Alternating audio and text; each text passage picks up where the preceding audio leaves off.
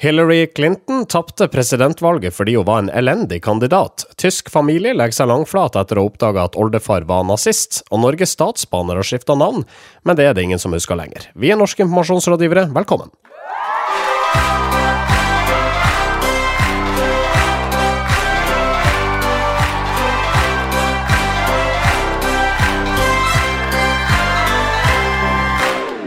Mitt navn er Marius Skjerve Staulen. Denne sendinga presenteres av medieovervåknings- og analyseselskapet Retriever. Marius Torkelsen og Sindre Holme er med som alltid. Ja. God dag, god dag. Hei. Og eh, Marius T, du ønsker nå å starte en folkebevegelse. Ja, jeg har jo lenge vært en person med mølle. Den mølla har vært knusktørr lenge, men siste uka har jeg faen meg fått hydrert mølla mi, og den har fått vann på seg. Uh, det, jeg har fått vann på mølla. Uh, det er det jeg prøver å si. Jeg la ut et, eh, et bilde tidligere denne uka, basert på Vi har tidligere snakka om at influensere må ikke få lov å kalle seg det lenger. De skal hete bloggere. Ja. Eh, det, det er det de er. Du la det bildet ut på facebook.com slash Nearcast. Ja, så jeg la ut et bilde basert på det vi har snakka om tidligere, hvor jeg bare kryssa ut alle stedene sto influensere eh, i en sånn post for influencer marketing-dagen som kampanje arrangerer, og erstatta det med blogger. Ja. Fikk, eh, fikk bra med likes, og tenker her er det grunnlag for en folkeaksjon. Eh, så det, det jeg har tenkt å begynne å gjøre, da, eh, og som dere da, kjære lyttere, gjerne kan være med på, er hver gang dere da på Facebook eller i andre settinger ser et sted hvor det står influenser, en artikkel eller et eller annet, så vil jeg at dere skal gå ned i kommentarfeltet eh, på denne saken, skrive en stjerne som, som en slags sånn korreksjon, og så blogger. Men hva vil det gjøre med standinga til de som i dag kaller seg influensere, hvis de må skifte uh, titulering til blogger igjen? Uh, det vil jo gjøre at de vil bli mindre Eller de vil, bli, de får, vil få riktig tittel, da. Uh, så sånn sett vil vil jo være mer eh, transparente i hva de driver med. Eh, det vil kanskje være vanskeligere å ta betalt for det. Fordi eh, Samtidig så, så tenker jeg også at eh, det er mye lettere å betale for en blogger enn en influens. Eh, For det, det kan du ikke garantere at de har. Nei. Jeg ser altså at eh, Det har duk- dukket opp et begrep som er mikroinfluensere. Det vil at vi skal rette på til lite suksessfull blogger. Eh, folkebevegelsen mot influensere, altså. Eh, Ja. FMI? FMI. På fmi.no. Uh, ja, det, det nettsida skal jeg lage. Uh, det merker jeg nå. T-skjorter skal lages, plakett. Uh, jeg kommer til å få hendene fulle eh, og fuktig mølle eh, fremover, så det er bare å glede seg. Ja. Og så, Sindre, eh, du har jo fulgt eh, vår venn Fredrik Skavlan med argusøyne siden han forlot eh, statskanalen til fordel for TV 2, og nå har han satt ny eh, bunnotering hva gjelder antall seere. Fredrik Skavlan har blitt en eh, mikroprogramleder. eh, og satt nå ny bunnotering med 121 000 seere. Eh, og det som er jo morsomt med disse sakene om Skavlan som stadig mister seere, er jo at TV 2 alltid har en forklaring til hvorfor de mister seere. Og denne gangen var det at dette her var tidenes seneste sendetid. Forklarer Jan Petter Dahl i TV 2. Det hadde endra sendetid. Og klarte f.eks. ikke å hamle opp med Dagsrevyen eh, i det hele tatt. De har vel 900 000 seere eller noe sånt nå på samme tid, eller, eller var det Kveldsnytt? Kveldsnytt, kanskje? Det jeg foreslår at TV 2 gjør nå, de omskolerer Fredrik Skavlan til å begynne å selge sånne Tupperware og diverse eh, i reklameslottene på sånn eh, eh, ettermiddags... Eller sånn formiddags-TV, da Home and Away og sånn går. Da kan Fredrik Skavlan Begynne å selge sånne eh, selge ergonomiske stoler, da. Ja. Eh, snurre- Skavlan-stolen. ikke sant? Han kan selge sin egen stol. Altså, han har jo masse, pu- eh, har jo masse eh, interiør i dette programmet, som Ja. sikkert man kan omsette. Så jeg ville jo lagt alt ut på finn.no, og så brukt da eh, de ledige reklamespottene på TV 2 til å selge egentlig hele programmet. Altså uh, ja, altså, vi, vi ler, men altså, vi Ja, vi vi gråter litt vi òg. Ja, vi gråter litt òg. Ja, ja. Det er jo trist. Vi, vi syns jo ikke dette er morsomt at Skavlan sliter i motbakke, men Altså, Vi skal ikke ha på oss at vi ja, liksom har noen sånn skadefryd overfor Skavlan i det Nei, hele nei, tatt. for han har jo ikke tatt noe fra oss, på en måte. Altså, Nei, sånn, uh, jeg føler bare at det er eh, At det generelt sett er litt gøy med folk. Det er, det, er gøy, det er gøy med dødsspiraler. Det er jo det. Vil, uh, en del av grunnen til at det er morsomt, det er fordi uh, altså dette sier vel så mye om altså TV-seerne, det har vi diskutert flere ganger før. Altså, folk er noen vanedyr, de flipper rett og slett ikke. Eller så kan det være at de ikke liker reklamepausene, eller hva nå enn. Ja, det er det jeg syns er så fascinerende med dette. at som jeg, det har vi sagt før, men det er et poeng som bør gjentas, at i alle år så har da vi trodd at Skavlan er et populært program, og så viser det bare at folk ikke gidder å bytte fra NRK. Ja. Det, er sånn, det, er, det, er så fascinerende. det der, at Ingen gidder å følge han over. Det er sånn Når han kommer til TV 2, så bare ser færre folk på TV i den slåtten han er på, enn det som vanligvis har vært. Det de egentlig likte, var tidspunktet 21.30 på NRK. De likte å se på NRK 21.30, ja. uavhengig av hva som var der. Ja. Ok. Um, jeg tror vi eh, kjører i gang hovedsendinga. Norske informasjonsrådgivere. Og Vi starter med saken som har dominert mediene verden over de siste to årene. Trump, Putin, Russian collusion. Trump, Russian sort of collusion. Trump, Russian, possible collusion. Trump, Russian metal collusion. Trump, Russia, possible collusion. Trump, Russian, potentially collusion. Trump, Russia, possible collusion. Trump, Russian, possible collusion. Og vi skal selvfølgelig til USA, hvor folk nå vet at president Donald Trump ikke velta valget i sin favør i samarbeid med russiske myndigheter. Spesialetterforsker Robert Mueller overleverte sin rapport på tuppen av forrige uke. Mediedekninga eh, har vært formidabel i denne saken, også her i Norge. Ordkomboen Trump og Russland gir nesten 27 000 treff i årene 2017 og 2018. Satiriker og politisk analytiker Eirik Bergersen mener demokratene har kasta bort to år på dette Russland-sporet, og i et innlegg hos VG skriver han at de heretter må konsentrere seg om å slå Trump politisk. Ja, uh, Bergesen sier jo at, uh, at det avsløringen om at Trump faktisk ikke eller i hvert fall den konklusjonen vi har sett eh, til nå, om at Trump ikke samarbeider med, med russerne, og ikke var deres puppet, eh, det viser at demokratene faktisk tapte valget. Ja. Og at de ikke kan få Trump bort på en annen måte enn å vinne neste valg. Men det virker liksom gjennom de siste to årene, så kan man i hvert fall ha fått inntrykket av at det har eksistert en tru om å kunne bare eskortere presidenten ut av Det hvite hus? Ja, det har, jo, det har jo vært et håp. Det er jo håp om uh, ny Watergate, uh, holdt jeg på å si. At uh, her, her skal, han skal vekk fordi han har gjort noe galt. Og det er jo ikke umulig at han har gjort noe galt, men det, bare, men det virker ikke som det gale han eventuelt har gjort, har så mye med Russland å gjøre. Og det virker ikke som om det da er galt nok til at det vil koste han velgere. Eh, som det jo egentlig det som da man sitter igjen med, er at Kanskje han har eh, gjort et eller annet semikriminelt, men det er ikke nok til å bli dømt. Og derfor må demokratene uansett klare å slå han ved neste valg. Eh, og da begynner de å få litt dårlig tid, for de trenger folk med karisma, som også er gamle nok eh, til å faktisk få lov å stille. Men, men nå er jo også Trump nødt til å lage mye politikk, da. Og bruke sin Twitter-tilstedeværelse på andre ting enn å spille offer, eller, eller, være opprørt og indignert. Uh, jeg, jeg, tror det, det, det, endrer jo på en måte hele diskusjonen. Mm. Jeg synes, uh, I tillegg så har jo Bergersen et ganske godt poeng i at uh, demokratene har liksom veldig lenge håpt, også i tillegg til da, dette Russland-sporet, at han bare skal bevise seg som komplett udugelig. og de har måttet spilt han opp som en, liksom, veldig sånn, en person som ikke får til noen ting, og som kommer til å starte atomkrig og eh, kommer til å bli dømt for seksuell trakassering osv. Bergersen mener, mener det at eh, Trump han er nå eh, de små forventningers mester. Han trenger bare å si hei, jeg har ikke startet atomkrig med Nord-Korea, jeg er ikke dømt for seksuell trakassering, og jeg er ikke russisk agent likevel. Velg meg igjen i 2020. Ja. Eh, og, det, og det, er jo, det, er jo, et valid uh, budskap, det, all den tid man ikke har hørt så veldig mye politikk som dere stadfesta innledningsvis, fra motparten. Nei, sant, så, så nå, nå er de jo da faktisk nødt til å si Og i tillegg så går eh, økonomien ganske bra her i USA. Så ja. det er sånn eh, et budskap eh, som kanskje har vært lurt for verden. Sånn der vi er nødt til å ha, satse mer på miljøet og, mm. og, kutte jobber. Det er jo heller ikke så veldig populært. Så det, det er jo vanskelig å velte, velte han oransje personen her. Mm.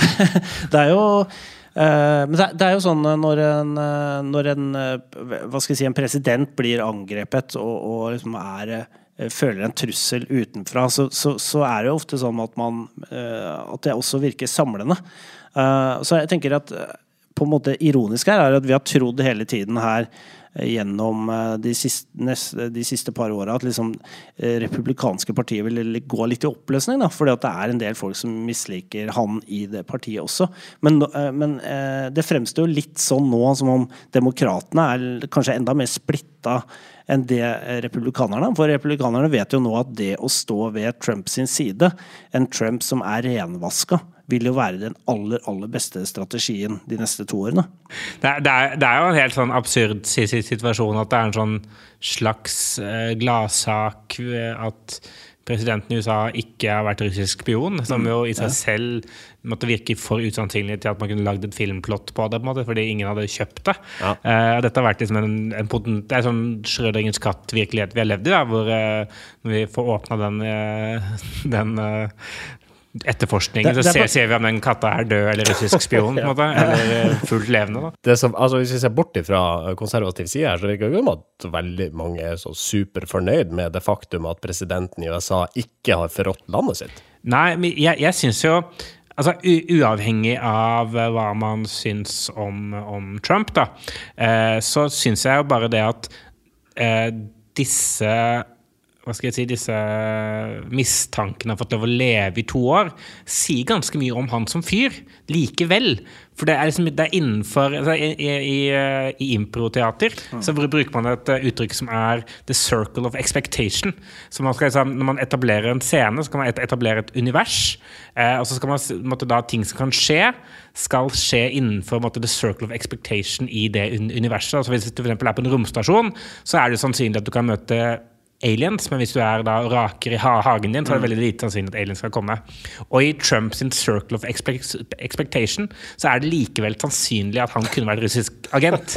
Eh, For det har folk likevel det er ingen som har vært sånn Dette er for absurd til at vi gidder å etterforske det. Dette er seriøse menn som har gått på eh, skole. Tatt seriøst og etterforska. Og det sier jeg uansett, det sier mye om han som fyr og våre forventninger til hva han kan få til. da. Vi er jo ikke noe politisk podkast, egentlig, så vi, kan, vi, altså, vi skal prøve å trekke dette her inn i, uh, altså inn i spinndoktorenes vidunderlige verden. Uh, hvordan skal demokratene da uh, få has på Trump? Jeg, jeg, jeg tenker at de burde ta den derre utfordrerposisjonen. liksom det som Norwegian mot SAS eller Kumeieriene mot, eh, mot Tine.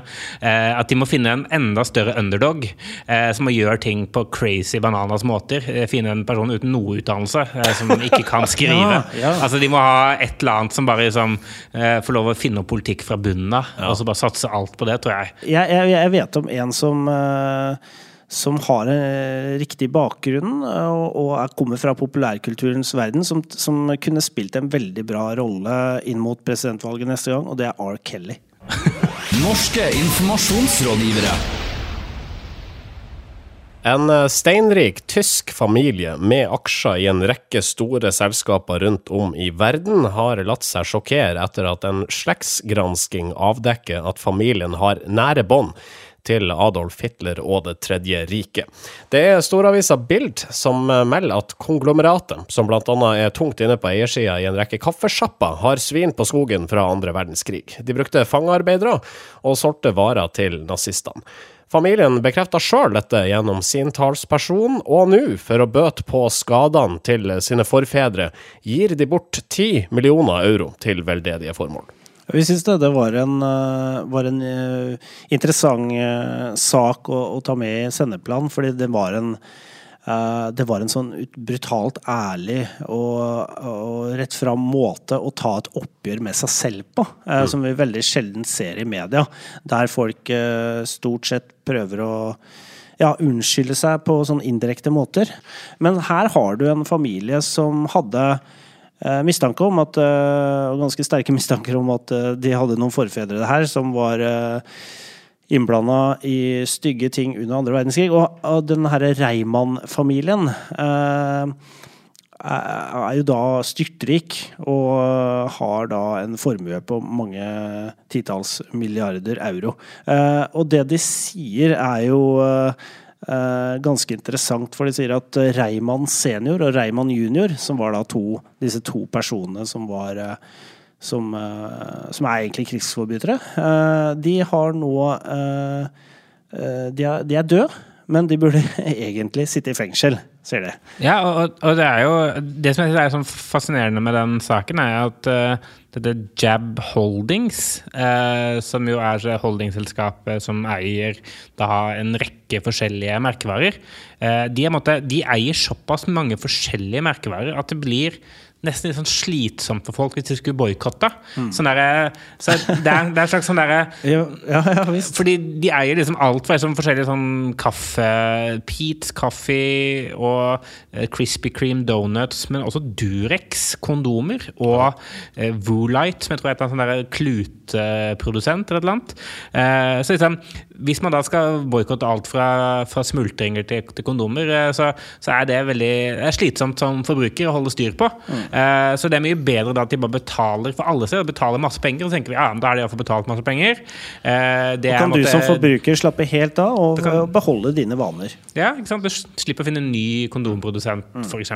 Ja. Og så er det jo et eller annet prisverdig i at de tar tak i det sjøl. Altså, det er de som leder an her. Det, dette er ikke noe Bilt har uh, gravd seg fram til. De tok tak. De fikk ut denne nyheten. Ja, og jeg, jeg vet ikke om dette er en sånn der særtysk greie. At liksom, hvis du er er tysker av en viss alder, så må du liksom tenke sånn Kanskje vi skal sjekke opp hva som skjedde på 30- og 40-tallet, da?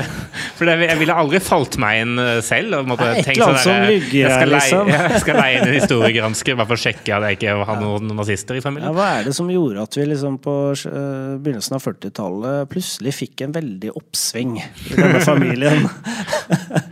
Nei, men det er jo en eh, kollektiv skam, altså andre verdenskrig. Jeg, jeg, var, i, jeg var, i, Frankfurt en gang og skulle Under andre verdenskrig? Nei, det var jeg ikke. Så gammel er jeg ikke. Men jeg var det for, for bare noen få år siden. Uh, og da, da, kjente jeg litt på det når jeg skulle holde en workshop. Og, og er, i Norge så er det liksom på en måte litt naturlig å, å, referere til krigen innimellom. Altså, jeg husker ikke akkurat hvorfor jeg det, skulle gjøre det da, men jeg kjente jeg tok meg i det. At det ble veldig stille i rommet. Eh, når vi snakka om et eller annet sånt tungt Jeg lurer på om det var tungtvannsaksjon eller et eller annet sånt noe som kom opp. Hva slags workshop var det du? Det var jo uh, You're gonna be the, the, boys in the forest, uh, kind of. Be, be, creative. Ja, nei, det er et godt spørsmål.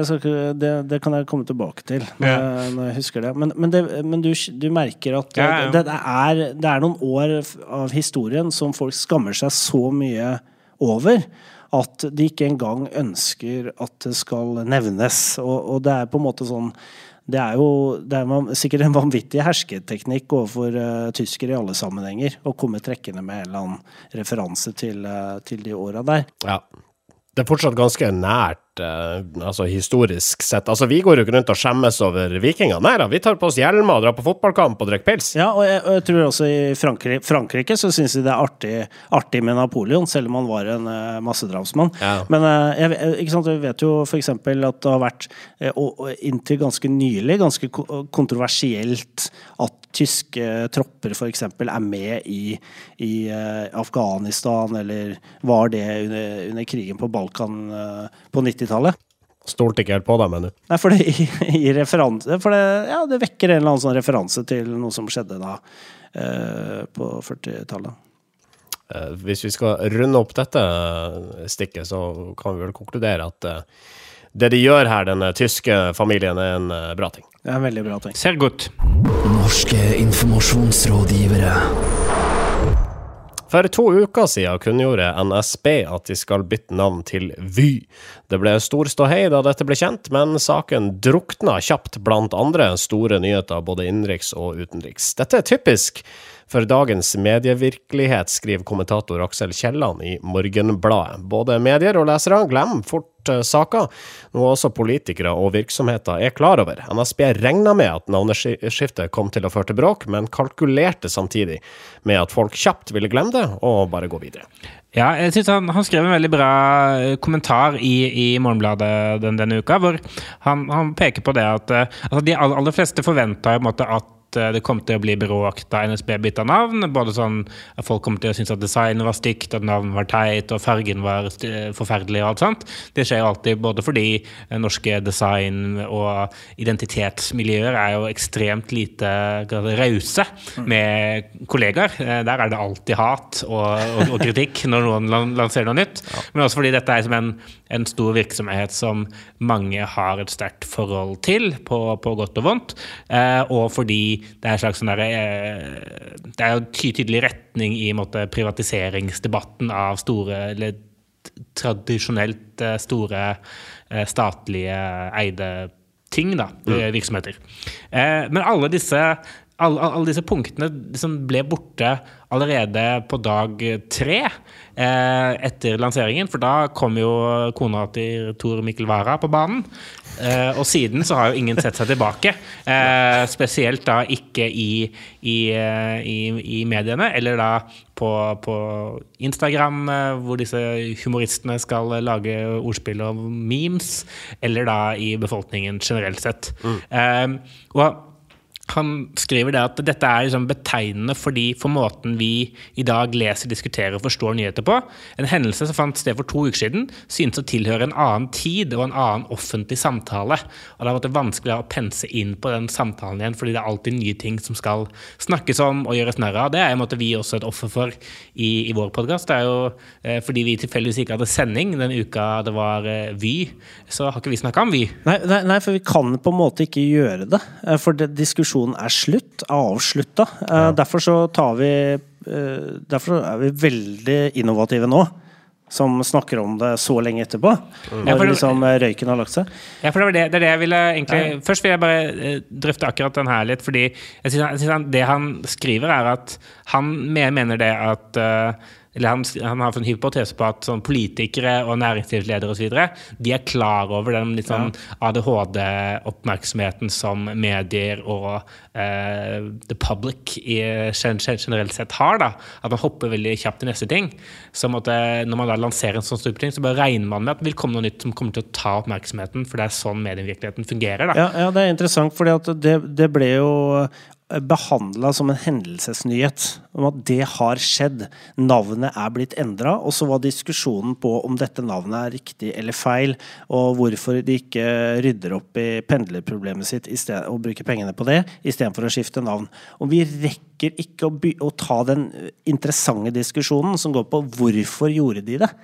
Og den diskusjonen den drukner jo fullstendig eh, når da noen tenner på en, sin egen bil. Gjør det. Eh, navnet for det første er jo ikke engang liksom godkjent av NSBs generalforsamling. Eh, og det kommer det langt til å bli, hvis ikke så hadde vel ikke gått, gått ut, med det. Men eh, i den større sammenhengen så bestemmes jo egentlig i stor grad hva vi debatterer, hva vi snakker om, av hva det er som får mest oppmerksomhet i nuet.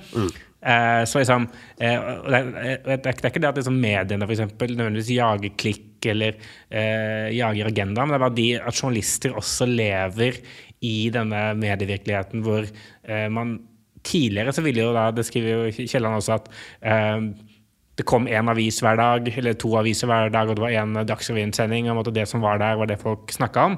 Men nå er, det, nå er jo i denne oppmerksomhetsøkonomien så er det sånn det som til, til enhver tid mest folk syns er sprøtt, som når et cruiseskip stopper, da, så er det sånn det vi snakker om alle sammen. Og så blir jo da journalisten også prega av det, og så skriver man mer om det. Og så har man ikke da egentlig mental kapasitet til å skrive om andre ting, eller holde en debatt i hevd, med mindre da noen faktisk da skriver liksom, kommentarer og debattinnlegg til avisene for å prøve igjen å skape ta opp igjen den debatten som var. da. Så jeg tenker sånn, det, det, det er sånn jeg, Når jeg leste den kommentaren, så jeg, shit, det er akkurat sånn jeg lever livet mitt. Eh, jeg bare til enhver tid eh, tenker på det som eh, noen har sagt sist. Men er det ikke litt sånn Jeg, jeg syns jo på en måte tilbake til den Trump-Muller-rapporten, da. Så syns jeg på en måte den er litt sånn beskrivende, det som skjedde med den nå. Den ble levert inn på en fredag kveld. Eh, og så fikk statsadvokaten eh, lese den, og konkluderte da en rapport som er eh, med akkumulert informasjon over to år, blir da oppsummert i fire kulepunkter. Eh, Fire sider, litt. Fire sider eller noe sånt, men det er ikke mye mer enn fire kulepunkter. Eh, da kanskje et døgn etterpå eller noe sånt, etter å ha skumma igjennom. Og det er det vi forholder oss til ut eh, fra en rapport eh, som da har eh, Som man da har brukt to år på å skrive. Og det er jo også podkasten vår i et nøtteskall. Eh, Her snakker vi om gigantiske saker og oppsummerer det i fire vitser og en eh, sånn seriøs innledning. Vi kunne vært statsadvokater i USA uten, uten problem. Uten problem. Norske informasjonsrådgivere. The Tonight Show er et eh, senkveldprogram borte i USA med komiker Jimmy Fallon i programlederstolen. Mandag som var, ble showet produsert på en helt spesiell måte. Hey everyone, welcome to the Tonight Show. My name is Jimmy Fallon, and I'm standing outside the 6th Avenue entrance of 30 Rockefeller Plaza, where we shoot our show every single night. Now, tonight's show is going to be a little different. I'm very excited about this. I asked NBC if we could possibly do a whole show shot on a phone, and they said yes. And then Samsung heard about our idea and gave us a bunch of Galaxy S10 Plus phones to play with. Ja, hele mandagens sending ble altså filma med Samsungs nye flaggskipmobil, og det proklamerer Fellen åpent i innledninga av sendinga. Ja, Det er ganske oppsiktsvekkende at man kan begynne et så populært program med en annonse eh, på redaksjonell plass, eh, og likevel liksom få seerne med seg, og dette er kult, liksom. Eh, Det sier noe om hvordan liksom, den sammensmeltingen av, av reklame, eller hva skal jeg si, rekla, ja, reklame og redaksjonelt innhold eh, at det, at det kan fungere, da. Mm. Hvis, det, hvis det er spennende, interessant nok og relevant nok. Men det, jeg syns på en måte at det er jo fascinerende at uh, Samsung eh, får lov til å gjøre det, eller har betalt seg til å gjøre det, og tenkt på det. Men samtidig tenker jeg det er jo fordi Poenget her er vel at eh, den uh, 10 pluss har et fantastisk bra kamera. Uh, men den har uansett et dårligere kamera enn et sånt TV-studiokamera. Eh, så liksom, hvis man da, Folk kommer jo først og fremst til å legge merke til at det er ikke så bra som det, som det pleier å være, men det er jo ganske bra. Men de burde jo egentlig kanskje funnet noe som pleier å være en mye dårligere film. At sånn, sånn C-span, da, hvis dere har sett på eh, opp, opptakene fra amerikanske kongressen, for eksempel, som er helt forferdelig. Det er kamera fra 1942, liksom. Det er, eh, det er lagd av Jab Holdings, eh, eh, det tyske nazifirmaet. Ja. så hvis de hadde filma det, da, da hadde de sikkert fått en oppgradering, liksom. Det er jo litt trist da for deg hvis du er, liksom er vant til å ha med den store muskedunderen av et kamera på, for å liksom lage en produksjon og dra litt kabler og sånn, så kommer den lille telefonen som du setter på sånn stativ, som hvor stativet er mye større enn telefonen til og med. Ja, ja fordi jeg, jeg, jeg ser først og fremst på Tonight Show med Jimmy Fallon pga. det cinematiske. Altså komposisjonen i bildene, lyssettingen osv. Så, videre. så for meg var dette kjipt, da. Men for vanlige folk som, eh, ja, som er litt enklere eh, i smaken enn jeg er, da, så er det kanskje ok. Men det hadde vært interessant hvis vi hadde filma det vertikalt. For da, Ja. da hadde, da hadde sosiale medier-ekspertene fått vann på mølla og sagt at her, dette er fremtidens Dette er fremtiden. Ja. Kommer vertikale TV-er. Vertikal TV. Vi kommer til å se TV rett opp og ned på veggen fra nå av. Ok, vi setter en strek for i dag. Norske informasjonsrådgivere spilles inn i studioene til Moderne Media, et av landets største produksjonsmiljøer for podkasts. Du finner dem på modernemedia.no. Oss finner du på facebook.com slash nearcast. Vi eh, høres igjen, og fram til da Ha det bra. Og jeg vil bare si, eh, husk folkebevegelsen mot eh, influensere. Let's make influensere bloggere again. ha det. Ha det. Norske informasjonsrådgivere. Moderne media.